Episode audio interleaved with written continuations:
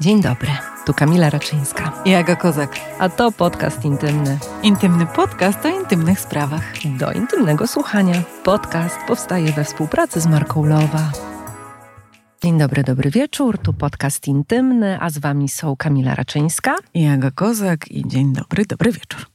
A dzisiaj przy trzecim mikrofonie Ewelina Tyszko-Bury.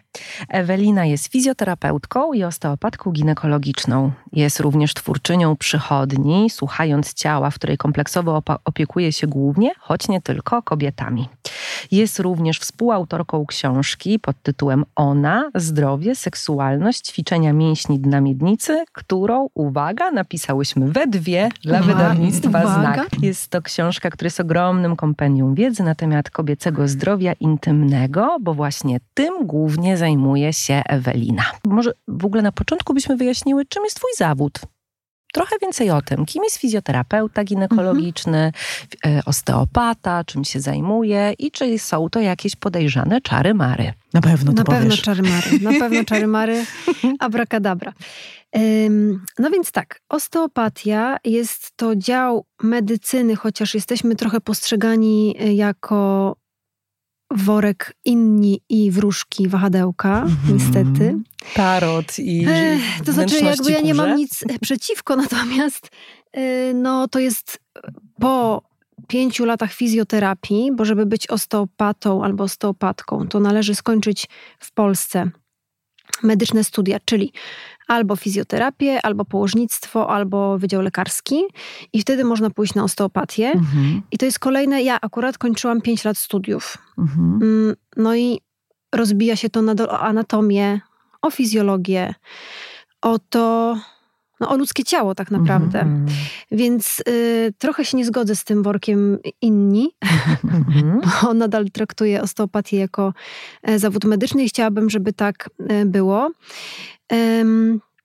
No i co? No tak naprawdę osteopatia mocno szeroko traktuje pacjenta i pacjentkę, czyli w sposób może to słowo jest trochę nadużywane, holistyczny, mhm. natomiast myślę, że no tak jest, że patrzymy na ciało bardzo globalnie. Czyli jeżeli ja zajmuję się głównie, to znaczy lubię zajmować się działką ginekologii, to nie jest tak, że my jesteśmy podzieleni osteopata taki, taki czy taki.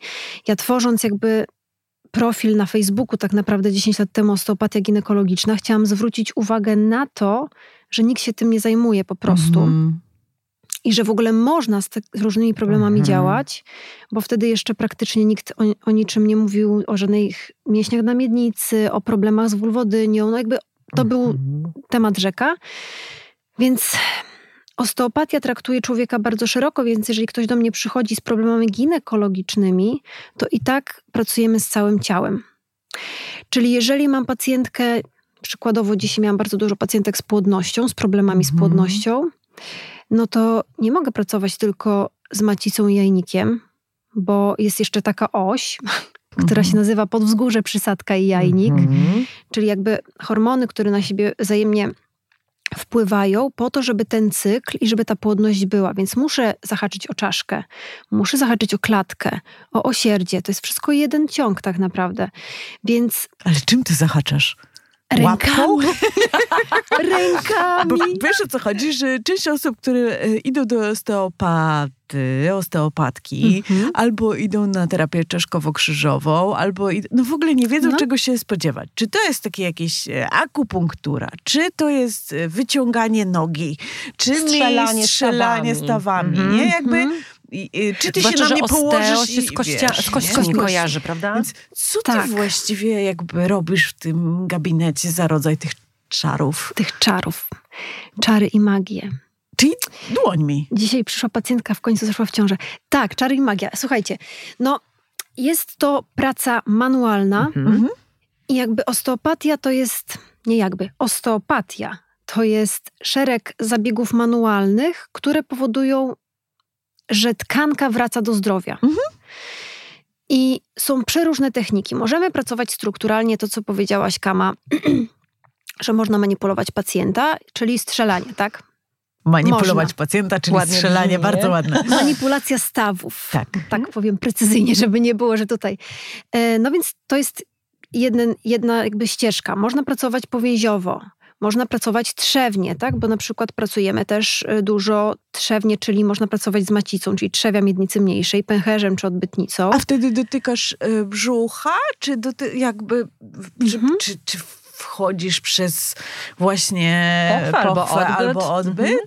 I tak, i tak, bo jeżeli, bo oczywiście można się do narządów dostać w różny sposób, natomiast nie jest to tylko i wyłącznie, jeżeli mówimy o ginekologii, praca na przykład przez perwaginam, czyli przez pochwę, tak. czy praca tylko z miednicą, bo to jest takie clue, bo często właśnie E, jak pacjentki przychodzą, to mówią, że, że no tak, no, że głównie to, że czasami są zdziwione, nie wiedząc mm -hmm. jakby co to jest osteopatia, że ja tak trochę wyżej i szerzej, nie? Że, a to, to zdejmuję spodnie i zdejmuję bieliznę. Ja mówię, mm -hmm. nie, mhm. nie zdejmuje pani bielizny, zdejmuje no, pani spodnie, zdejmuje, mm -hmm. jakby zostaje pani w bieliźnie, ponieważ muszę zobaczyć od gardła, czaszki, klatki, jakby wszystko, tak? Mhm. No więc praca jest bardzo, yy, bardzo urozmaicona pod, pod, względem technik. Można oczywiście pracować to, co wspomniałaś, terapią czaszkowo-krzyżową, mhm.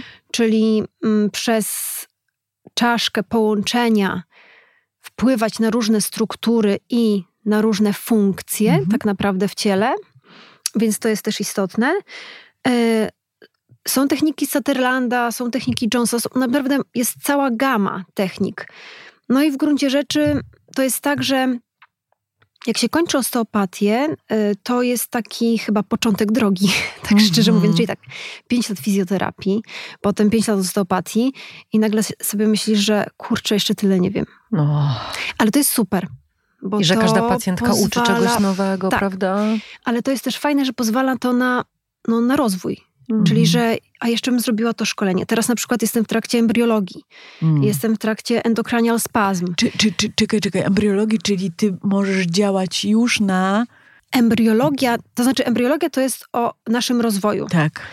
O zarodku, o tym, jak po kolei wszystko się wydarzało, że jesteśmy teraz w takiej postaci, w jakiej jesteśmy. Mm -hmm.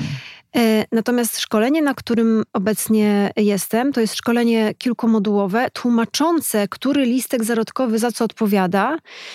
E, I tak naprawdę pewne objawy pacjenta wynikają czasami z zupełnie czegoś innego niż widzimy na tu i teraz cofając się do, do rozwoju. Więc jakby to trochę jest Faktycznie połączenie... wahadełko.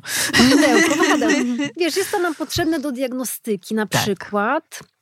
E, do tego, żeby tego pacjenta albo pacjentkę skuteczniej mm. leczyć e, i żeby lepiej rozumieć ciało. Mm.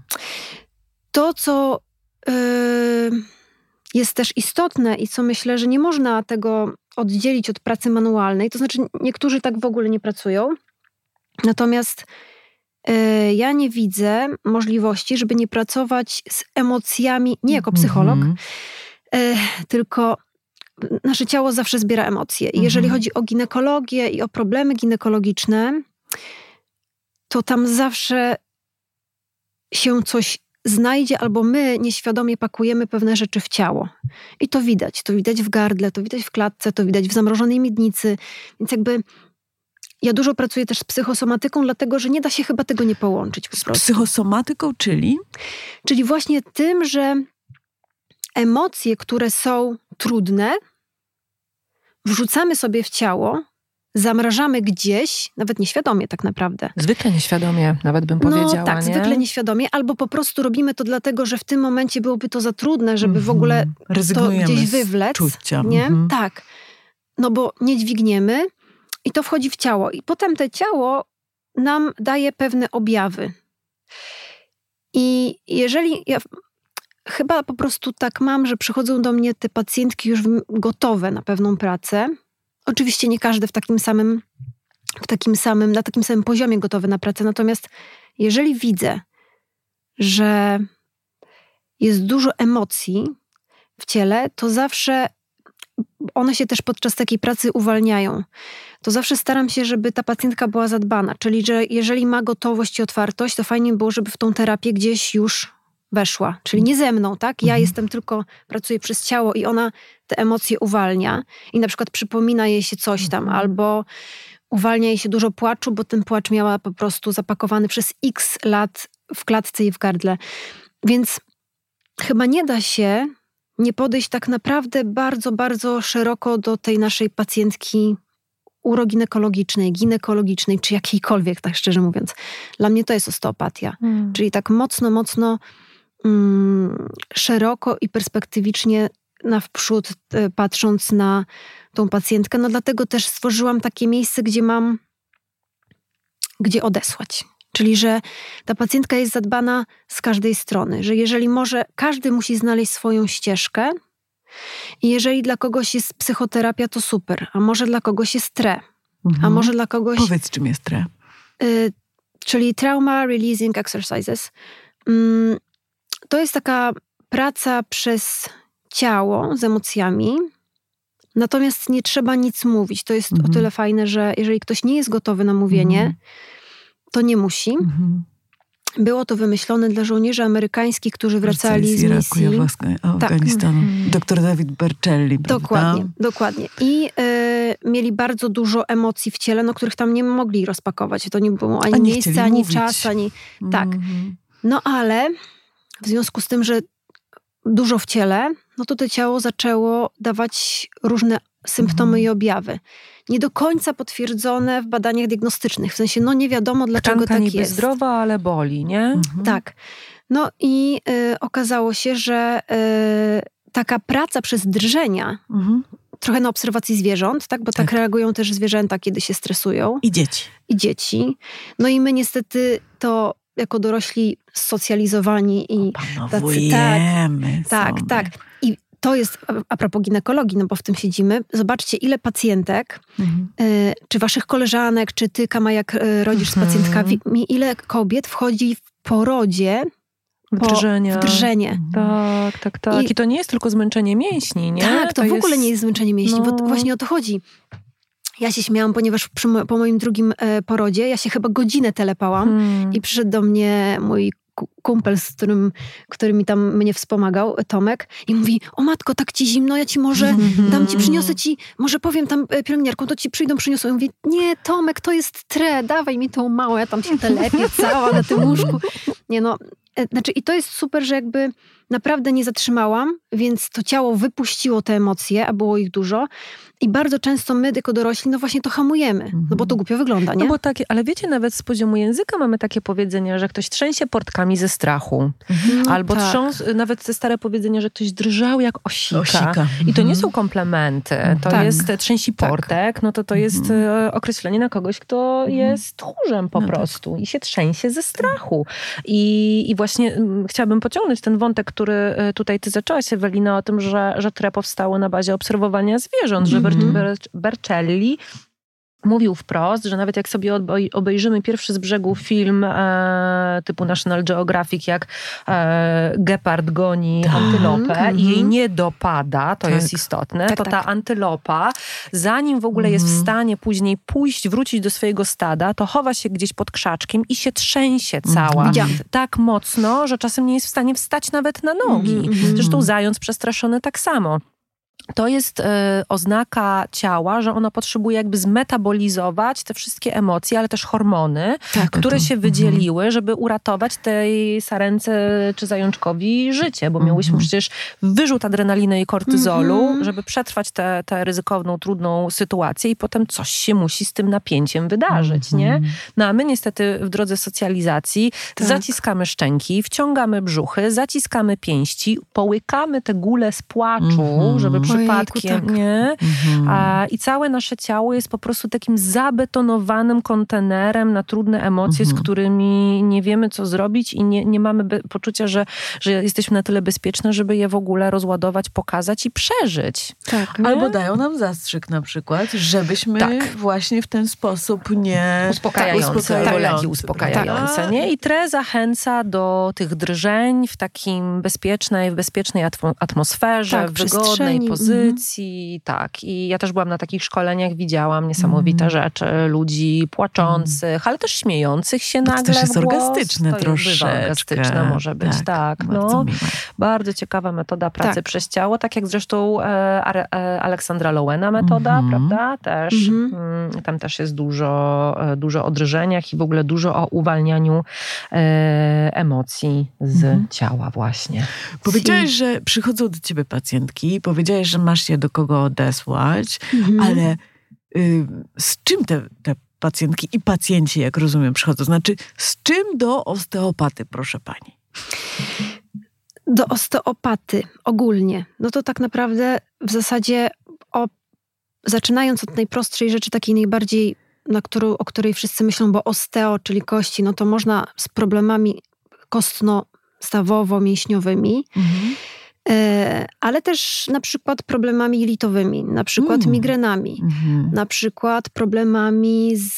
Zaciśnięta szczęka, ból głowy. Zaciśnięta szczęka, ból głowy to też migreny, ale na przykład e, jeżeli są e, problemy na przykład z uderzeniami, mówię bardziej pod kątem sercowym, stresowym, mhm. można pr- na- po- popracować sobie z nerwem błędnym na przykład Mhm. i stonizować tego pacjenta, bo nie zawsze jest to problem se- sercowy stricte, kardiologiczny, o tak może.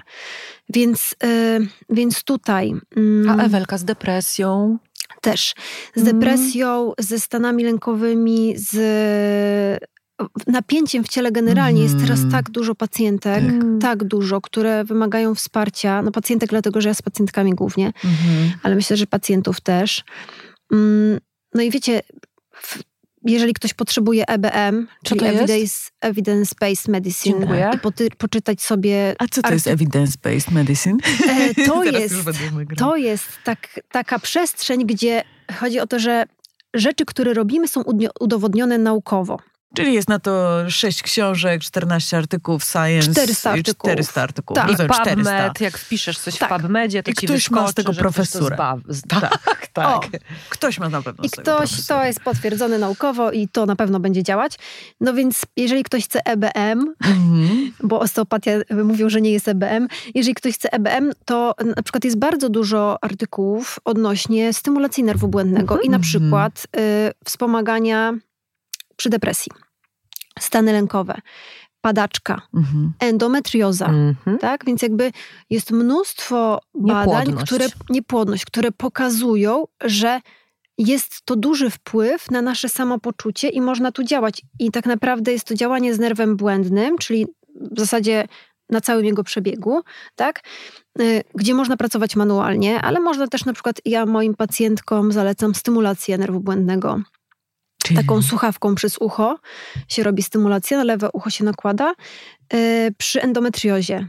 Tak, więc jakby jeżeli ja pracuję sobie z nimi manualnie, no to w tym momencie można dać coś do domu, a coś do domu może być na przykład stymulacją, czyli kupują stymulator i sobie codziennie robią stymulację.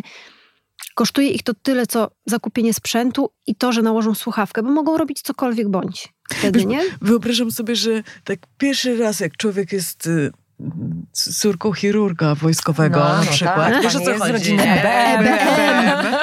E, I to taki hardkoru i dziadek też i w ogóle wiesz, tam ten, że jak pierwszy raz słyszysz, że w sumie jak coś tam jest na przykład z endometriozą, która sama w sobie jest fascynującą absolutnie y, chorobą, o której y, przeczytałam w waszej książce i jest to nies- niesamowita choroba, o której większość osób nie wie, że ma, albo jest to bardzo trudne do zdiagnozowania. I nagle ktoś mówi pacjentce, która na przykład ma super ciężkie skurcze przy miesiączce, żeby sobie włożyła coś do ucha, to ja sobie myślę, że wiele osób może jednak uznać, że to jest e, Świr. świr, To jest świr. wahadełko i tak dalej, i tak dalej. Natomiast jak rozumiem, ty z powodzeniem pracujesz i właśnie z endometriozą. Może opowiedzmy też trochę o tym, czym jest endometrioza, bo to jest też fascynująca rzecz. Warto to wiedzieć, Mhm. bo być może wielu, wiele z nas ją ma i nawet o tym nie wie. Tak, to, to a możemy wrócić do tego za chwilę, jak Oczywiście. jeszcze dopowiem, czym Tak. zajmuje się osteopatia ginekologiczna. Tak, wspaniale. Bo nie Oczywiście. dokończyłam. Oczywiście. E, więc oprócz tych wszystkich kostno-stawowo i tam innych, Mhm. E, no to mm, taką moją ulubioną działką, chociaż dla mnie jest wszystko jedno, czy ja pracuję z migreną, czy tam z kolanem, czy tam ze stopą, e, bo i tak muszę, bo to często mhm. jak nie zrobię stopy, to nie zrobię biodra i nie zrobię otworu zasłonowego, a nie zrobię przez to miednicy mniejszej.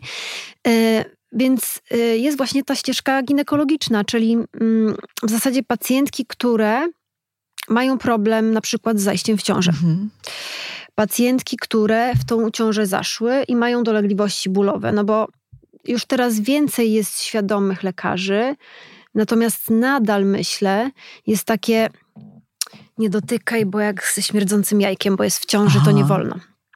I też widzę, że część y, specjalistów typu fizjoterapeutów właśnie też mówi, że do, po pierwszym trymestrze dopiero praca. No, można pracować z kobietą ciężarną, nieważne czy jest w pierwszym, drugim czy trzecim mhm. trymestrze nie ma to znaczenia, jeżeli wiesz, co robisz i wiesz, jak to mhm. zrobić. Więc jakby to jest podstawa. Mm, więc z kobietą w ciąży y, przygotowanie do porodu y, można y, wspomagać przy osteopatycznym obrocie malucha, tak? Jeżeli jest ułożony miednicowo albo tak po ludzkiemu nie jest głową do dołu, o tak. Mhm. Więc można wspomagać osteopatycznie. Y, jak jesteśmy ciąża, no to po porodzie cała uroginekologia, jak i tu jest połączenie z fizjoterapią. Ja często pracuję sobie osteopatycznie i potem, ponieważ mam cały team, bez którego ciężko by mi było pracować, mhm. w sensie takim naprawdę multidyscyplinarny zespół, razem można zdecydowanie więcej. O tak, mhm. że samemu można dużo, ale razem można więcej. E, I tu można bardzo ładnie połączyć pracę osteopatyczną z pracą fizjoterapeutyczną właśnie pod kątem uroginekologii. E, więc, więc tutaj jest ta działka. Możemy pomyśleć o wulwodyni, vestibulodyni, mhm. czyli dolegliwościach bólowych e, w okolicy wejścia do pochwy czy przedsionka pochwy. Dysparunia, czyli tak naprawdę bolesne współżycie, czy to powierzchowna, czy głęboka. Mhm. Też z tym możemy działać. Co to znaczy powierzchowna, czy głęboka? Czyli e, kiedy mamy, pacjentka przychodzi z dolegliwościami pod tytułem mam bolesne współżycie, mhm. na początku jest ciężko nam zacząć, jest ból, potem już jakoś idzie dysparunia okay. powierzchowna, czyli jakby przy wejściu do pochwy mm -hmm. i często jest to kwestia napięcia podniesionego mięśniowego, mm -hmm. czasami śluzówki, czasami na przykład może być to blizna po nacięciu krocza, mm -hmm. z którą nikt nie popracował. Mm. A kto miałby popracować z taką blizną? Y, albo fizjoterapeuta, albo osteopata, więc okay. na spokojnie można albo się wybrać. samodzielnie, jeżeli się tego nauczymy i jesteśmy w stanie pracować mhm. w domu albo poprosić partnera, nie? O też takiej samodzielnej pracy w domu jeszcze porozmawiamy, ja cię o tak, to zapytam, tak. ale wiem dokąd zmierzasz, bo jak powiesz o dyspareunii głębokiej, to nam pięknie opowiesz o endometriozie, co nie? Tak. No i właśnie przy, przy właśnie problemach z bolesnym współżyciem, to jest jedno z takich symptomów, które mogą nam powiedzieć, że jest to endometrioza. Przy współżyciu, przy głębszej penetracji, jeżeli pacjentka mówi, że ma ból, a zwłaszcza trochę nas to nakierunkowuje, jeżeli mówi, że w tej pozycji od tyłu ma mhm. ból, zazwyczaj pytam, czy to jest jakaś konkretna pozycja i właśnie się zawsze śmieję, nie dlatego, że mam fetysz taki, mm. tylko dlatego, a jak że... państwo to robicie? A może mi pani opowiedzieć? można pokazać na leżące? Nie, nie, nie, tak nie pracujemy, to żarty. Tak, tak, żarcik, żarcik. Um, to nam trochę mówi o tym, e, przy głębszej penetracji w pozycji od tyłu mamy mocno poruszone sklepienie tylne, a do szyjki, do tyłu mm -hmm. szyjki przyczepione jest więzadło krzyżowo-maciczne, które idzie od tyłu szyjki do segmentu kości krzyżowej S2, S4. E, I jeżeli mamy jakieś nacieki na więzadle krzyżowo-macicznym, ono jest sztywniejsze, no to to będzie powodowało naprawdę e, ból przy głębokiej penetracji, takiej, zwłaszcza w tej pozycji od tyłu. Więc to jest też takie, że ok, to muszę zapytać o miesiączkę, -hmm. czyli czy jest bolesna miesiączka. A co nie, może nie być? A może nie być? Przy endometriozie może nie być, no. Nie, nie, nie. W ogóle A, że w ogóle. A, że w ogóle. W ogóle? Nie załapałaś, bo przecież, bo przecież taka pani uroda, taka nie? Pani Aha, dobrze, tak, no nie załapałam. Nie, y, no, wy jesteście może do tego przyzwyczajone, ale przecież napisaliście całą książkę o, o tym. O takiej pani urodzie. O takiej pani urodzie, czyli o tym, że tak naprawdę mm -hmm. wszystkie jesteśmy przekonane, że miesiączki muszą być bolesne, a jak rozumiem, tak wcale nie musi być. W ogóle. Hmm. W tym tygodniu też miałam taką pacjentkę, ale już była po albo po podcaście moim z Martą Niedziecką, albo po naszej książce, już nie pamiętam. Już wiedziała, że nie już powinno wiedziała, boleć. że hmm. ja mówię, no naprawdę nie mam już na to przestrzeni. Ona mówi, już teraz wiem, że tak nie powinno być. Hmm. Więc miesiączki nie powinny być bolesne. Natomiast jeżeli mi pacjentka mówi, że ma ból przed miesiączką albo w trakcie miesiączki i to jeszcze, który próbuje ogarnąć, usidlić lekami, takimi dość mocnymi, że podczas tej miesiączki dochodzi do omdleń na przykład, mm. albo że ląduje w szpitalu, mm. no to to nie może nie być endometrioza, szczerze mówiąc. Mm. Więc pierwsze, co powinniśmy pomyśleć, żeby wysłać tą pacjentkę na diagnostykę, jeżeli mówi, że um, podczas miesiączki albo przed miesiączką ma też bolesne wypróżnienia, mm-hmm. czyli że um, przed powiem tak, po prostu zrobieniem kupy, kupy no po prostu. E, mhm. ją boli i ciągnie w trakcie, to znaczy, że możemy podejrzewać, że jest naciek e, mm. w, to jest endometrioza głęboko naciekająca gdzieś najprawdopodobniej na, w Zatoce Douglasa na, na okolice odbytnicy. I to też należy sprawdzić, oczywiście w USG. A jak? W USG? A to wychodzi? No właśnie. No właśnie. No i teraz... Czy ludzie umieją to czytać? Widzę, no już właśnie, widzę to. No i to jest... I dzisiaj, te, i teraz w tym tygodniu też miałam ta sama pani, o której przed chwilą mówiłam, że e, no, że tam te, no wie, wie pani, no te takie, co się tu wchodzi. Czyli ja mówię, jeżeli pani ktoś powiedział, że endometriozę sprawdzi, dlatego że zrobi laparoskopię, to proszę się wy, wypisać z wizyty tego kogoś, dlatego że ten ktoś się nie zajmuje endometriozą, bo -hmm. endometriozy się tak nie diagnozuje dzisiaj. -hmm. Endometriozę diagnozuje się przez USG. Mhm. Tylko musi to zrobić osoba, która się tym zajmuje. Mhm. No i statystycznie um, kobiety z endometriozą chodzą od 7 do 10 lat tak. i chodzą do lekarzy. To nie jest tak, że one nie chodzą tak. i nie szukają wsparcia. Chodzą. Tylko właśnie nikt tego nie widzi, bo jeżeli nie zajmuje się diagnostyką endometriozy, to pewnych rzeczy nie widzi, bo nie sprawdza się ruchomości między narządami. No wkładam sondę, przecież Wszystko nie widać, dobrze, czy jest tam nie? wzrost, czy go tak. nie ma. Dopóki nie okej, okay, no ja rozumiem, że jak jest, nie wiem, jajnik przyklejony do macicy, no to to, to, to widać. widać. tak? Ale jeżeli na przykład jest naciek i w dołku podjajnikowym jest naciek i ten jajnik się w ogóle nie rusza, no to, to trzeba sprawdzić po prostu ruszając narządem między, jakby tak? Te I nie osoby, każdy umie to zrobić, nie? Albo po prostu te osoby, które się nie zajmują, nie sprawdzają tego w ten mhm. sposób, więc no dlatego tak długo trwa szukanie pomocy. Słuchajcie, no moja znajoma ostatnio e, ogłosiła na Facebooku zbiórkę po prostu kasy. Mhm. Nóż mi się w kieszeni otworzył strasznie, to jest przykra historia, bo dziewczyna, no kobieta już e, w zasadzie od zawsze miała bardzo bolesne miesiączki mhm. i naprawdę chodziła po lekarzach. Ilość pieniędzy, jaką wydała na, na kolejne wizyty kolejnych specjalistów jest oszałamiająca i ciągle słyszała właśnie, że tak no, miesiączka boli, miesiączka no. boli, tralala. Jak pani urodzi, to pani przejdzie. Albo jak pani Och. urodzi, to pani przejdzie, tak? To jest też klasyk. I wiecie, co się w końcu stało? Ona miała takie nacieki na jelito, że no, stomia jej grozi po mhm. prostu. Wycięcie, fragment jelita i założenie e, stomii. No i ręce opadają, jak się czyta coś takiego, bo dziewczyna po prostu zapłaci swoim zdrowiem no, za to, że mhm. lekarze ją zbywali, nie? Problem jest też taki właśnie, mówisz o zbiórce, mm. że nasz NFZ nie zwraca za długie operacje. Endometriozę się operuje dość długo, bo to jest trudna operatywa. I wszyscy dobrzy specjaliści, którzy operują endometriozę, niestety operują ją na, nie na NFZ. Robią to prywatnie. No. Dlatego, że... Czy jest to bardzo duży koszt. Tak. Tak, mm. jeszcze oczywiście zależy od rozległości operatywy i tak dalej, i tak dalej. Natomiast to nie chodzi o to, że oni chcą tylko zarobić, tylko chodzi o to, że NFZ po prostu nie pokrywa tak długich operacji, a bez sensu jest, znając sztukę operatywy w endometriozie, nie możesz otworzyć pacjentki, wyciąć części i zamknąć, bo i tak będzie to samo. Musisz naprawdę mm. wyczyścić wszystko. Bo endometrioza to, bo jeszcze tego nie powiedziałyśmy. Ach, no tak, no tak. No? no? czyli endometrium, które powinno być w jamie tak. macicy. Czyli wyściółka, ma, dobrze rozumiem, że tak, endometrium tak. to wyściółka. Tak, mhm. jest poza jamą macicy i może naciekać na różne struktury, na trzewną, na jajnik, może, I może gdzieś tam.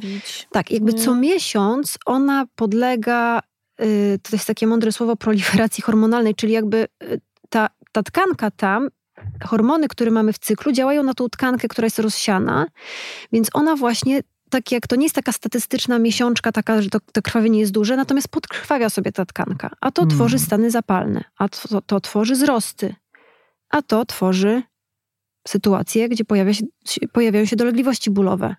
No, dla mnie odlotem jest to, że e, komórki endometriozy możemy, znaczy endometrium możemy mieć nawet w mózgu. mózgu. Tak. To jest odlot tak. po prostu. No. Na przykład jest sporo pacjentek, y, które mm, może dlatego, że jest więcej informacji i wiedzy, które mają endometriozę w, mm, w płucach i to tworzy Mhm. odmę.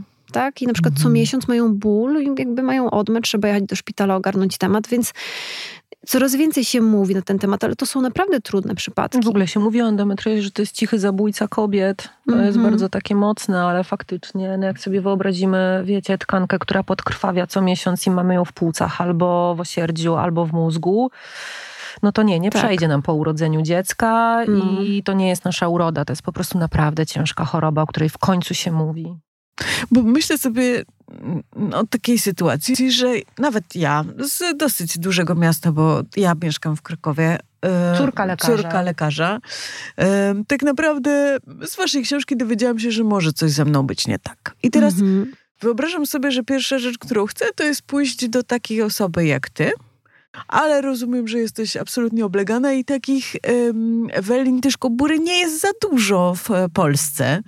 Em, jest was jakiś, e, także, Tak. że jest, jest osteopatów ginekologicznych. Już coraz więcej, Coraz co więcej. nie? Znaczy, coraz więcej. Generalnie ja zazwyczaj staram się zrobić w ten sposób, żeby pacjentka nie jechała do mnie z Katowic, albo z Częstochowy, albo z Krakowa, Mhm. bo można znaleźć fajnych osteopatów, takich, którzy naprawdę y, zajmują się ginekologią w różnych częściach Polski. Mhm. Więc jest coraz więcej.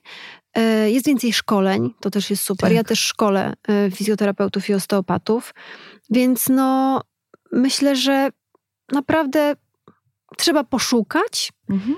Ale naprawdę jest już coraz więcej osób, Czyli które się siadam do zajmują komputera, tematem. wpisuję w Google osteopatia ginekologiczna Mhm. i moje miejsce zamieszkania, województwo Dokładnie. albo miasto, albo fizjoterapia uroginekologiczna, tak? Mhm. I po prostu Dokładnie, sobie znajduję dokładnie. taką osobę. No dobrze, Ewelina, a no też wyobrażam sobie, że jedna rzecz to to, że w moim województwie może nie być e, osteopatki czy fizjoterapeutki, Mhm. ale druga rzecz może być po prostu też taka, że nie będzie mnie stać na, tak, na takie wizyty, Mhm. no bo nie Mhm. przyjmują fizjoterapeuci, osteopaci ginekologiczni e, tak sobie państwowo na NFZ. Czy są pewne techniki, pewne działania, które taka kobieta, która jest w bólu na przykład miesiączkowym, e, albo którą mm, od czasu do czasu boli współżycie, może robić sama w domu? Są. E, I taką podstawową, ale taką naprawdę podstawową rzeczą, którą, której nikt nas nie uczy, Mhm. A powinien, Mhm. to jest oddech. Wiedziałam, że to A. powie, że to jest też pani od oddechu, więc dla nas to jest w ogóle temat. Oj, powiem Rzeka. wam, że naprawdę to Nie jest po prostu nie? tak, tak źle tutaj. Mój kolega, który jest y, izraelskim tancerzem, mówił, że Polka y, y, oddycha raz w tygodniu, a w niedzielę, o, ale się narobiłam. Jest Ojejku, po prostu. no, mocne Słuchaj, no to może jest. coś w tym być, Tak, no. Tak, i było to oceniające, ale to było bardzo prawdziwe, nie? Mhm. No, E, nie oddychamy. Nie oddychamy. Mhm. Problem jest i z wdechem, i z wydechem. No. Jak już ogarniemy ten wdech, że ten wdech ma być i klatka, i brzuch, że ten brzuch wypuszczamy i że ten brzuch nie jest wciągnięty, tak jak nas wszyscy uczyli Mhm. całe życie, że wciągnij brzuch, pierś do przodu. Więc tak nie powinno być. Mhm.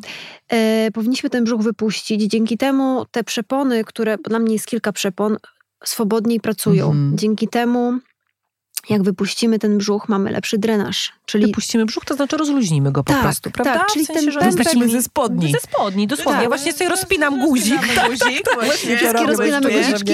Że już mnie cisnęło, więc Mhm. wypuściłam swój brzuch. Wspaniale. Więc jeżeli wypuścimy ten pępek do Mhm. przodu, ale to jest strasznie trudne. Naprawdę. Jak tak y, mam pacjentki, ja mam z, u siebie w teamie też y, oprócz ym, kamen, do którą tutaj mnie wspiera pod kątem miednicy, to mam jeszcze od oddechu Magdę Kizinkiewicz, ona jest też logopedką i od gardła. To Mhm. też się wszystko łączy. Więc często wysyłam na takie zajęcia, żeby w ogóle ktoś zaklikał w tej głowie, o co w ogóle chodzi, bo mi jest wtedy łatwiej, bo ja wtedy szybciej wszystko popchnę, bo jeżeli ten pępek jest luźny na tym oddechu, czyli robię wdech, idzie klatka do góry na wdechu, brzuch idzie do przodu na wdechu i potem robię wydech. Ten pępek sobie swobodnie idzie do tyłu, się chowa i klatka opada, bo to jest po prostu Mhm. tego nie ma. Tutaj mamy duży problem. No to wtedy ten wdech jest taki swobodny, nabieramy tego powietrza, wszystko się drenuje, krew dopływa, krew odpływa i mamy zdrową tkankę. Nikt nas tego nie uczy. I naprawdę... Wręcz nas oduczają dobrego tak. oddechu, znaczy tak. pełnego, głośniejszego, słyszalnego. Tak. Że westchnienie to jest, wiesz, tak. niby oznaka coś znudzenia. Ci, z tobą, tak, albo co nudzisz się, tak, tak, tak samo tak, tak. ziewanie na przykład. Mm.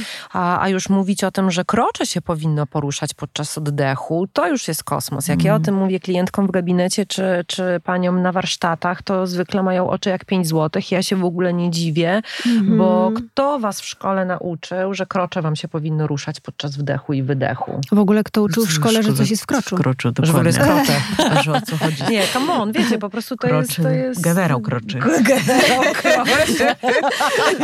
I Benedetto kroczy to.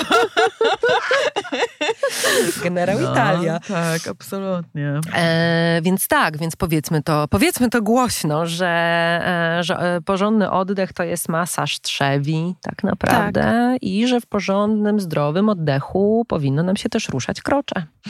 To prawda. No i tutaj właśnie, jeżeli chodzi o te sytuacje, które mogą pacjentce pomóc, a które może sama wykorzystać mhm. w domu, no to, to jest po pierwsze oddech, który jest oddechem funkcjonalnym, dobrym, z wypuszczeniem mhm. brzucha na wdechu, z opuszczeniem klatki na wydechu.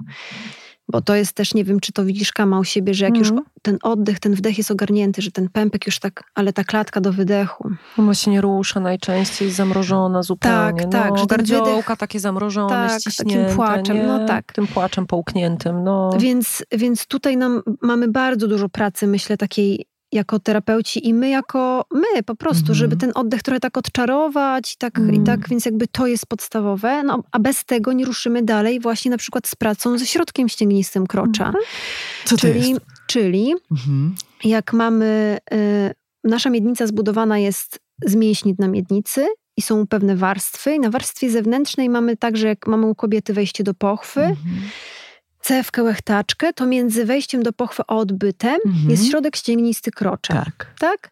I to jest miejsce, które właśnie możemy dotknąć, jeśli mamy na to mhm. gotowość, otwartość i chcemy, i sprawdzić sobie, czy właśnie to miejsce się rusza przy wdechu, idzie do dołu, a przy wydechu, czy wraca. Czy to jest u kobiet i u mężczyzn, tak jak u tak. mężczyzn, u perineum też powinno dokładnie, się, jak rozumiem, dokładnie, ruszyć. To dokładnie. I to jest praca właśnie przepon, które są, dla mnie jest przepon wiele, nie tylko jedna, więc to jest mm. praca przepon, które powinny działać synergicznie, tak? Tak samo przy wdechu i przy wydechu. Jeżeli rozluźnimy dno miednicy, nie, nie mylić z tym, że ono nie jest funkcjonalne i ma być wypuszczane cały czas, ale po prostu kiedy nie jest w nadmiernym napięciu cały czas, to w tym momencie nakładąc rękę na środek ścięgnisty krocza, hmm. po prostu czujemy, że jest wdech i jest wydech. Ona się rusza. I to A jest ekstremalnie już... trudne. A czy jeżeli ja już mam tam swoją rękę i już to jest dla mnie ok, że ja obcuję ze swoim własnym kroczem, że go dotykam, to czy jedną z takich technik, które, które kobieta może robić sama, to jest na przykład automasaż w okolicy krocza i niekoniecznie myślę tylko o masażu do porodu, ale tak po prostu. Czy mhm. pacjentka może sama się masować w domu? A dlaczego nie? No właśnie, może, prawda? Może, może, może się masować, może używać też oczywiście gadżetów do tego mm -hmm. masażu, więc w ogóle jak najbardziej. Na przykład ja bardzo często zalecam e, wibratory, mm-hmm. bo wibracja pięknie rozluźnia tkankę. Dokładnie. I niekoniecznie chodzi nam o orgazm i o masturbację, tylko w tym wypadku traktujemy wibrator jak masażer. Dokładnie. Czyli co, sobie czytamy książeczkę albo słuchamy podcastu i y, po prostu nakładamy jakiś rodzaj gadżetu, który wibruje i to sprawia, że tak naprawdę to będzie dobroczynne działanie. Nawet nie muszę tak, wkładać do pochwy tego. Przyłożyć tego, do, przyłożyć do, i oddychać do środka no. ścięgnistego. I to już jest no. naprawdę no. fajna praca. No. Dobry plan na sobotę. Dobry plan na sobotę, nie? Mhm. A, nie wiem, e, czy się ze mną zgodzisz. Mam nadzieję, że tak, bo jak nie, to, to, to oj, będzie oj, głupio. Ale ja też na przykład swoim klientkom, a czasem naszym wspólnym, no bo też powiedzmy słuchaczkom, że, że my często też e, pracujemy wspólnie mm -hmm. z potrzebującą osobą E, ja je też zachęcam do tego, żeby jak najczęściej chodziły bez bielizny w domu, czyli na przykład zdejmowały majtki, gdy tylko wrócą mm -hmm. z mhm. pracy, zakładały jakąś sukienkę albo luźną spódnicę, A żeby, czemu? żeby to krocze oddychało, żeby nie było to takie sklejone. Oddycha. Kolejne wahadełko. Czekałam na to, czekałam. tak, tak. Żeby, żeby, wiesz, nie mieć tego krocza takiego sklejonego mm -hmm. z tymi mhm. majtkami, czy nie daj Boże wkładką, wkładką. higieniczną, mm -hmm. taką plastikową, która nie przepuszcza w ogóle tlenu, więc nasza vulwa mm. i wagina produkuje jeszcze więcej Śluz. E, śluzu, żeby się oddzielić od tej plastikowej wkładki. Mm. Wiecie, to jest pięknie pomyślane przez przemysł, przemysł. kosmetyczny, żeby nam mm. wmówić, że czegoś potrzebujemy. Mm. Wmówiono nam, że nasze wydzieliny pochwy są brudne i śmierdzące, w związku tak. z tym zaoferowano nam pachnące plastikowe wkładki, które, które tylko że... nas podrażniają jeszcze bardziej, sklejają się z naszym kroczem, więc nasze biedne krocze produkuje tego śluzu coraz więcej i tak dalej, i tak dalej. A więc zdejmujemy majtki, chodzimy jak najczęściej, śpimy bez śpimy bielizny. Bez Boże, bielizny, wiecie ile no kobiet no, śpi tak. w majtkach pod piżamą? I tak, z, to tak. w staniku, na przykład. Albo w staniku tak, w majtkach tak. w kładce i na to piżama. Tak, tak. Więc rezygnujemy z tego. Ja też często mówię kobietom, żeby jak najwięcej ziewały, wzdychały w głos, przeciągały się, otwierały gardło, wydawały dźwięki oraz no, tak. żeby tak. na przykład sprawdziły ze sobą, czy taniec, ruch mhm. bioder, mm, kręcenie biodrami, jak najwięcej takiego płynnego e, ruchu z oddechem, nie? Czy to nie jest też technika dla nich? To im mówię na przykład, że mogą robić w domu. Zgadzasz się ze mną? Zdecydowanie. Super. Uśmiecham się, bo y, nas ustawiają tutaj do kamery. A ja się mówią, tak ruszam, że a ja tu cała się ruszam i prawdopodobnie co chwilę znikam że to się nie uda, więc tak, absolutnie. Od razu Może być to uda. trudne. Trudno. Absolutnie. Ja się muszę ruszać, bo inaczej będzie mnie wszystko bolało. Okej, okay, czyli są takie techniki. No wiesz, które... Ale gdzie się ich uczy? Jakby, czy to jest tak, że ja intuicyjnie mogę się pomasować, że biorę jakiś olejek, hmm? serum, y, coś tak, wiecie, krem może niepodrażniający, bo to też jest bardzo hmm. ważne, żeby na pewno użyć nie ślinę, czegoś. Nie? Na pewno nie ślinę, to jest też ważny moment, żeby powiedzieć, że ślina nie, nie jest lubrykantem. Mm. I, i, i, I, wiesz o co chodzi, że rozumiem ciekawość, rozumiem erotyczną ciekawość, no ale może jest jakaś technika, y, co jak boli, czy nacisnąć, czy puścić? Gdzie się tego nauczyć? Na YouTubie Jeże, oczywiście. Jeże, chyba niekoniecznie.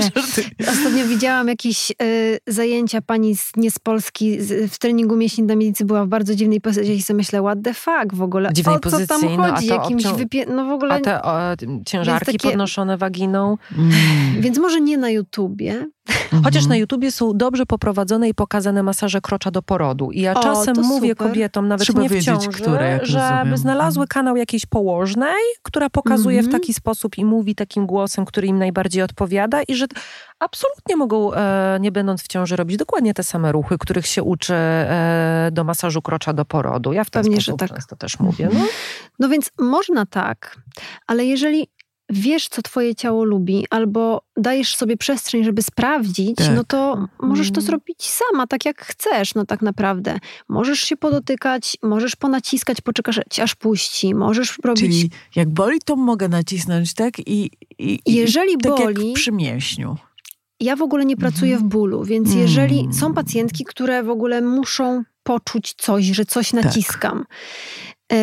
Ja pracuję trochę inaczej, dlatego że w miednicy albo w sferze intymnej, jak mhm. mamy dolegliwości bólowe, to no, nasze ciało jest mądre, więc no co mm. zrobi? No to się napnie i tak. będzie się broniło. Więc ja nie lubię pracy w bólu, bo ja chcę, żeby mi tkanka pokazała, gdzie ona się chce uwolnić, mm. a nie, że ja naciskam, pacjentka mi skacze do sufitu, oczy już ma po prostu jak 5 zł. I łzy w oczach i zaciśnięte tak. szczęki, a ty ciśniesz jeszcze I, bardziej. Bo to jest trigger point tak. i trzeba go tam na inwanie. Nie, nie, nie tak. to mhm. okay. niekoniecznie. Z miłością. Z, to, to jest mój tekst. Z miłością i szacunkiem do tkanki. Wspaniale. A nie znamy się, proszę Państwa. z miłością i One się znają, do tkanki. No tak. No. Piękne, no. piękne. A wiesz, co mi jeszcze przychodzi do głowy? Taki ważny dla mnie wątek. Zresztą rozmawiałyśmy o tym e, z Eweliną też prywatnie nieraz e, i chciałabym to bardzo tutaj zaadresować. No bo często jest tak, że zarówno do mnie, jak i do ciebie przychodzą kobiety, e, które, dla których jesteśmy kolejnymi ekspertkami, kolejnym warsztatem, kolejną jakąś drogą samorozwojową. Mm -hmm. O, niepłodność jest świetnym tutaj przykładem. Mm -hmm. I jak się domyślasz, często jest tak, że to kobieta chodzi po kolejnych gabinetach, wydaje pieniądze, tak. inwestuje czas, a mężczyzna czeka. I czasem Albo nawet nie zbada jakości swojego nasienia. nasienia. na przykład. I bardzo mam bym chciała... alergię no, masz alergię, nie? Ja też mam na tak. to alergię. Bardzo bym chciała, żeby to też tutaj wybrzmiało, że my zawsze mówimy kobietom w gabinecie, że to nie jest tylko ich odpowiedzialność. Mm. Jak wygląda tak. ich życie seksualne, czy je boli, czy nie boli, czy mają orgazmy, czy nie mają, czy mogą zajść w ciążę, czy nie, może, nie, mo nie możą, nie mogą. -hmm. Tam jest druga osoba. Tak. No. Nawiązałaś do płodności, więc tutaj. Mm, bo wiem, że to twój konik. Ja kochanie. uwielbiam, uwielbiam. Co jest problemem, już teraz chyba mniejszym, mm -hmm. bo jest mhm. więcej lekarzy, którzy patrzą mm -hmm. też mhm. tak holistycznie. Holistycznie. Globalnie. Natomiast y, zdarzają się naprawdę takie sytuacje, że ten pacjent nawet, pacjent w sensie partner, nawet nie zrobił badania nasienia. No, no ja, ja rozumiem, że kobieta przychodząca, nie która nie może zajść w ciążę, ma taką teczkę badań, bo miała Hashimoto, bo ma insulinooporność, mm. bo coś tam, bo coś tam. PCOS, Natomiast równolegle mm. należy zbadać partnera. No więc jakby mhm. to jest błąd w sztuce lekarskiej.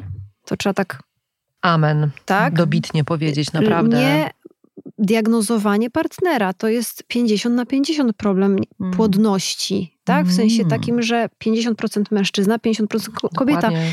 Kiedyś głównie patrzono na kobiety, ale naprawdę to się bardzo zmieniło, tak. zwłaszcza przez to, że mamy styl życia taki, jaki mamy. Mm-hmm. Czyli siedzący jest teraz bardzo dużo mężczyzn, mężczyzn pracuje przed komputerami, długo Z siedzą. na kolanach i grzeją sobie jądra. Tak, tak. Mm. Żlaki powrózka nasiennego. No jakby za ciasne spodnie, tak. za ciasna bielizna, podgrzewane siedzenia w samochodzie, ale nie Nawet w książce e, poruszałyśmy ten, w zasadzie to mhm. doktor Maksym mówił y, o tym y, badaniu mężczyzn, nie wiem mhm. czy pamiętasz, że było robione badanie mężczyzn z totalnie zdrowym nasieniem i przez, ponieważ spermatogeneza trwa 74 dni. I y, tych mężczyzn ubrano w taką bieliznę, która podgrzewała, podnosiła temperaturę tak. jąder i po trzech miesiącach w badaniu gdzie zdrowy mężczyzna przyszedł na e, badanie, był poddany badaniu, czyli trzy miesiące nosił tą bieliznę taką, która podnosiła temperaturę. Po trzech miesiącach praktycznie zero zdrowych no. mężczyzn ze zdrowym ejakulatem. Więc jakby to, jak my funkcjonujemy, ma bardzo duży wpływ.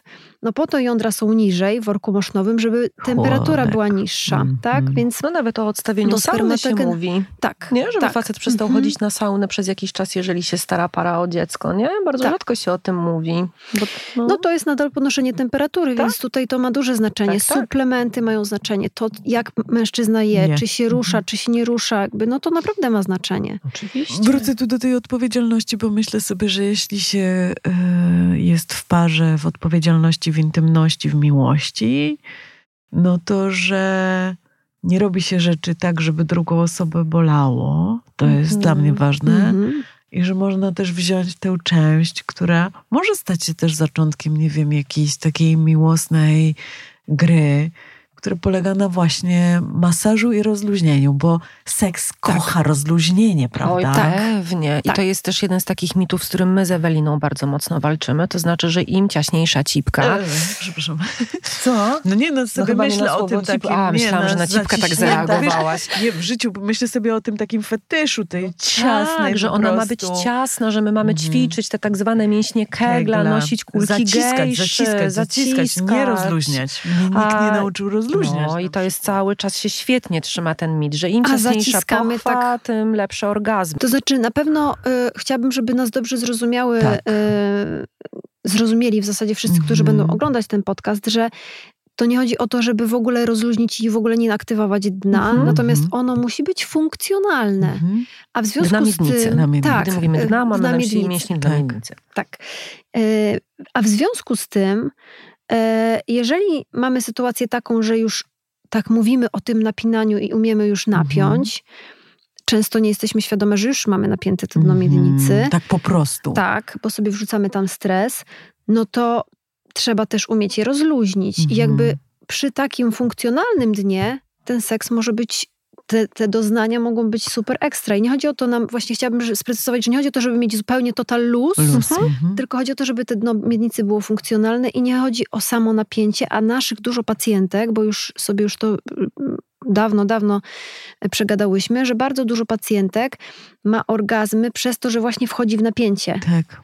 Na I w bezdechu. pewnym, tak. Mhm. I w pewnym momencie, Wykształca się taki wzorzec. tak, i w pewnym momencie one już nie mogą tego orgazmu, bo nie mają z czego, bo już są tak napięte, orgazm jest skurczy, mają tak już prawie, prawie O Boże. i nic. Tak, dokładnie. Nie? No bo nie ma amplitudy skurczu, no bo jak już coś jest super napięte, to jak jeszcze bardziej to napiąć, Mhm, prawda? mhm. Tak, no. No. Muszę was o coś zapytać, bo nie wiemy, czym są te, te mięśnie na miednicy. E, bo dla was to jest naturalne i z tym Mhm. pracujecie, ale chciałabym was zapytać, co to w ogóle też jest? Bo, e, jak, bo jak rozumiem, istnieje jakiś trening tego, e, można z tym pracować, ale tak powiedzmy jeszcze może dosadniej, o co w ogóle z tymi mięśniami na miednicy, co jak rozumiem są w miednicy, Tak, bardzo dobrze rozumiesz córko lekarza. chodzi. Ewelina, jakbyś miała komuś wytłumaczyć dosłownie w trzech zdaniach, bardzo prosto. Ja wiem, że to jest trudne dosłownie w trzech zdaniach, ale Tak. czym są mięśnie na miednicy? Za co one odpowiadają? Hmm, mięśnie na miednicy, trzy warstwy mięśniowe. Em, tak naprawdę bardzo y, późno my się zazwyczaj dowiadujemy, że w ogóle w tej miednicy coś mamy, jakieś Mhm. mięśnie. Mięśnie na miednicy nam wspomagają narządy, je podpierają. Mhm. Tworzą tak jakby hamak, taką może nie hamak, no można powiedzieć, że hamak. To jest taka trójwymiarowa płaszczyzna, taki lej. Mhm. I one nam podpierają e, u kobiet, tak to jest support pod narządy Mhm. miednicy mniejszej, czyli pę- pęcherz, macica, odbytnica. Mm, te mięśnie wchodzą też w skład mięśni, które nam stabilizują postawę. Mhm. Te mięśnie odpowiadają za to, jak na przykład właśnie to, o czym mówimy, czyli czy jest ta satysfakcja, czy jej nie ma. Czy jak są zbyt napięte, no to jest problem z wejściem do pochwy i bolesnym stosunkiem, więc w trzech zdaniach się nie da. Ale dzieci świetnie. Tak. Więc no, chyba powinnam wziąć jakiś model tutaj i sobie poopowiadać, co, Mhm. jak to wygląda. I Natomiast- zachęcamy do tego, żeby zobaczyć, prawda? Bo to jest bardzo ważne, żeby obejrzeć sobie to, Mhm. to wnętrze nas i zobaczyć, Jak za co te mięśnie odpowiadają, bo jeśli zobaczymy, jak one są ważne w tym naszym ciele, to może będzie to jakiś stymulant do tego, żeby po prostu zacząć o nie O nie dbać. dbać, no. Mhm. Myślę, że w ogóle tak nawiążę trochę do tego oglądania, no bo tych Mhm. mięśni nie zobaczymy, ale ja w ogóle zachęcam do oglądania w ogóle własnej cipki, po prostu. Tak. Mhm. Bo jest tak dużo kobiet, no ja wiem, że my żyjemy trochę w bańce, bo jesteśmy w Warszawie i tak by, można by pomyśleć, Mhm. że jesteśmy, nie wiem, bardziej świadome, duże miasto. Natomiast Mhm. naprawdę trafiają się pacjentki i nie mówię tutaj osądzająco, tylko tego, jak nie mieliśmy edukacji wszyscy, Tak. które mówią, a zobacz, bo ja tutaj mam takie coś, takie coś, co wystaje. Ja mówię, Taki no to jest twoja łechtaczka Mhm. właśnie. Ojej. No, naprawdę. To tym się Mhm. nie sika? Ja mówię, no nie, zobacz, jak sobie Ojej. weź lusterko w domu, Mhm. jak sobie rozchylisz wargi sromowe, to to, co mówisz, że wystaje, czy myślisz, że sikasz, to nie jest to. Pod spodem masz taką, taką, taką, takie coś z dziureczką. Mhm. I to jest właśnie cewka moczowa. Więc jakby my mamy, nie mamy w ogóle nawyku Mhm. oglądania swoj, swoje, swojego ciała, Mhm. wstydzimy się swojego ciała, nie znamy swojego ciała i to jest takie też e, Smutne. smutne. Dla No. mnie to jest smutne. Smutne. Chcę teraz Mhm, nawiązać mhm. do mojej córki. No, ja, Mhm. no wiadomo, no bo jakby siedzę w, ginekologii, to ja w ogóle nie mam problemu, żeby wchodzić nago i tak dalej, i tak dalej. I ostatnio a propos, żeby wyjść z tego smutne, moja córka tak siedzi w wannie, tak się my- myje i tak rozchy... A nie, chyba siusiała. I tak rozchyliła wargi i mówi, mamo, moja cipka ma języczek. No wspaniałe. Mówię, tak, moja cipka ma języczek. Więc Jezu, kochane. i w, tego każdemu życzę, żeby Mhm. tak se oglądał z ciekawością tą I z radością, nie? No, No, tak, tak. Nie, tak, żeby nie tak na smutno. Wczoraj, wczoraj patrzyłam e, na siebie, bo akurat miałam lustro przy łóżku i tak popatrzyłam na siebie i pomyślałam sobie, Boże, jak dawno cię nie widziałam. I to O. było takie absolutnie urocze. Natomiast Fajnie. wyobrażam sobie, że osoba na przykład, która nie wie, gdzie jest jej łechtaczka i gdzie jest... em, gdzie jest um, cewka moczowa, to jeśli na przykład ma jakimś cudem zdarzy się, że ma kobiecy wytrysk, to to musi być strasznie szokujące no, i to musi tak. być o tym, że się mhm. zsikałam w łóżku na przykład, mm. tak? E, że to może być coś, co mm. jest też zawstydzające i, i że ten mit oczywiście, że niby... To też jest wahadełko, proszę Państwa, że kobiety to oczywiście nie mają. Mm. tak to klasyka gatunku, kolejna, e, tak. kolejny mit po prostu. Ale że to muszą być też strasznie smutne rzeczy, bo to nie wiadomo, co sobie dobrego zrobić i to tak. oglądanie siebie Wiesz, ale też nawet czasem nie rozumiemy wydzielin pochwy i się boimy, że to jest jakaś tak, choroba, choroba. I, i, że tak, tam powinno być tak. sucho, albo nadmierna y, y, higiena, a, która, y, Oj, tak. która potem się kończy nawracającymi infekcjami. infekcjami. No to jeszcze jest temat rzeka, który na pewno poruszymy. A ja chciałabym cię na, na koniec spytać o coś, o co pytamy e, wszystkie nasze gościnie. E, I zarówno zachęcam cię do tego, żebyś udzieliła być może odpowiedzi jakiejś takiej, wiesz, swojej od serca, żeby nie powiedzieć od cipki, e, albo... E, żeby bardziej, powiedzieć od cipki. albo mm, bardziej jako ekspertka, zależy jak do tego podejdziesz, ale jak można podkręcić swoje libido? Tak naprawdę myślę, że nasze libido to jest kwestia tego, jak my się w ogóle czujemy ze sobą. Hmm. E, I to, co widzę, no, mężczyźni są trochę inaczej skonstruowani, my jesteśmy inaczej. I i ten orgazm, i, te, i to, czy mamy ochotę na seks, czy nie mamy ochoty na seks, to głównie jest tak naprawdę o nas po prostu. Mhm. E, wiadomo, że, znaczy wiadomo, no ja, czy siebie obserwuję, czy obserwuję moje pacjentki, że tak naprawdę to, w jakim jesteśmy stanie emocjonalnym, jaką mamy relację ze sobą, z partnerem, czy mamy trudniej, czy jesteśmy niewyspane, czy jesteśmy wyspane, czy jesteśmy zmęczone jakby to wszystko składa się na to, czy my mamy ochotę na ten seks, czy my mhm. nie mamy ochoty na ten seks. I w zasadzie każda z nas chyba powinna, powinna, znaczy chciałabym, życzę wam, żebyście wiedziały, co wam to libido obniża, a co wam to libido podnosi. Mhm. Ja wiem po sobie, że jak jestem zmęczona, mhm. dojechana, niewyspana, no to w ogóle ostatnim o czym pomyślę to jest seks. Ja po prostu nie mam siły. Nie mam.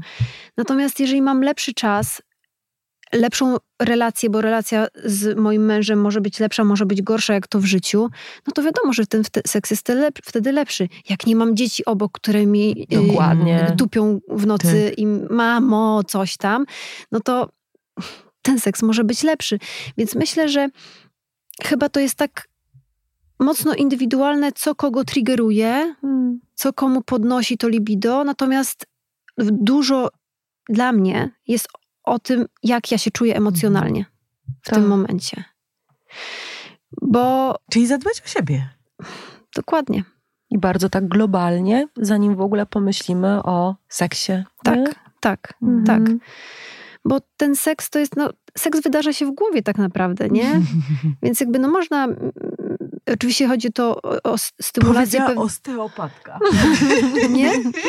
No tak, no bo jakby u mężczyzny jest bardziej może być mechanicznie, mhm. u nas te mechanicznie to tak czy my coś z tego będziemy miały w rezultacie, jak w ogóle nie mamy nastawienia, nie mamy siły, nie mamy w ogóle, no chyba, chyba rzadko, mało znam takich kobiet, które tak mhm. potrafią o, jest. Prawda? No. Ja też mam takie, takie przemyślenie i, i zdarza mi się o tym rozmawiać też w gabinecie. Nie wiem, czy się ze mną zgodzicie. To na koniec takie pytanie do was. Ja często mówię, że cipki nie oszukasz. Mm, A, dokładnie. I Jak Lowen jest... mówił, że ciało nigdy nie no, kłamie. No. Tak. I mi się zdarzało, tobie pewnie też, pracować z takimi kobietami, które na przykład mówiły, że miały e, w, w podejrzenie wulwodyni. A, mm -hmm i bolesne stosunki, i żadne leki nie pomagały, tak. i maści znieczulające nie pomagały, pomogło rozstanie się z partnerem. Tak. I nagle kolejny. I inna relacja, nie? I seks nie boli, nie? Mhm. A, I ja mam takie doświadczenie, że ciało i wulwa również e, są bardzo mądre i jako tak. pierwsze nam sygnalizują, hej, kochana, z tego to już chyba wiele nie będzie. Nie? Tak. I smutny? I wesołe, bo mamy w sobie jakiś absolutnie niesamowitą, mam, jesteśmy taką częścią, bo znowu nie chcę mówić, że nie jesteśmy naszym ciałem, bo przecież jesteśmy naszym ciałem.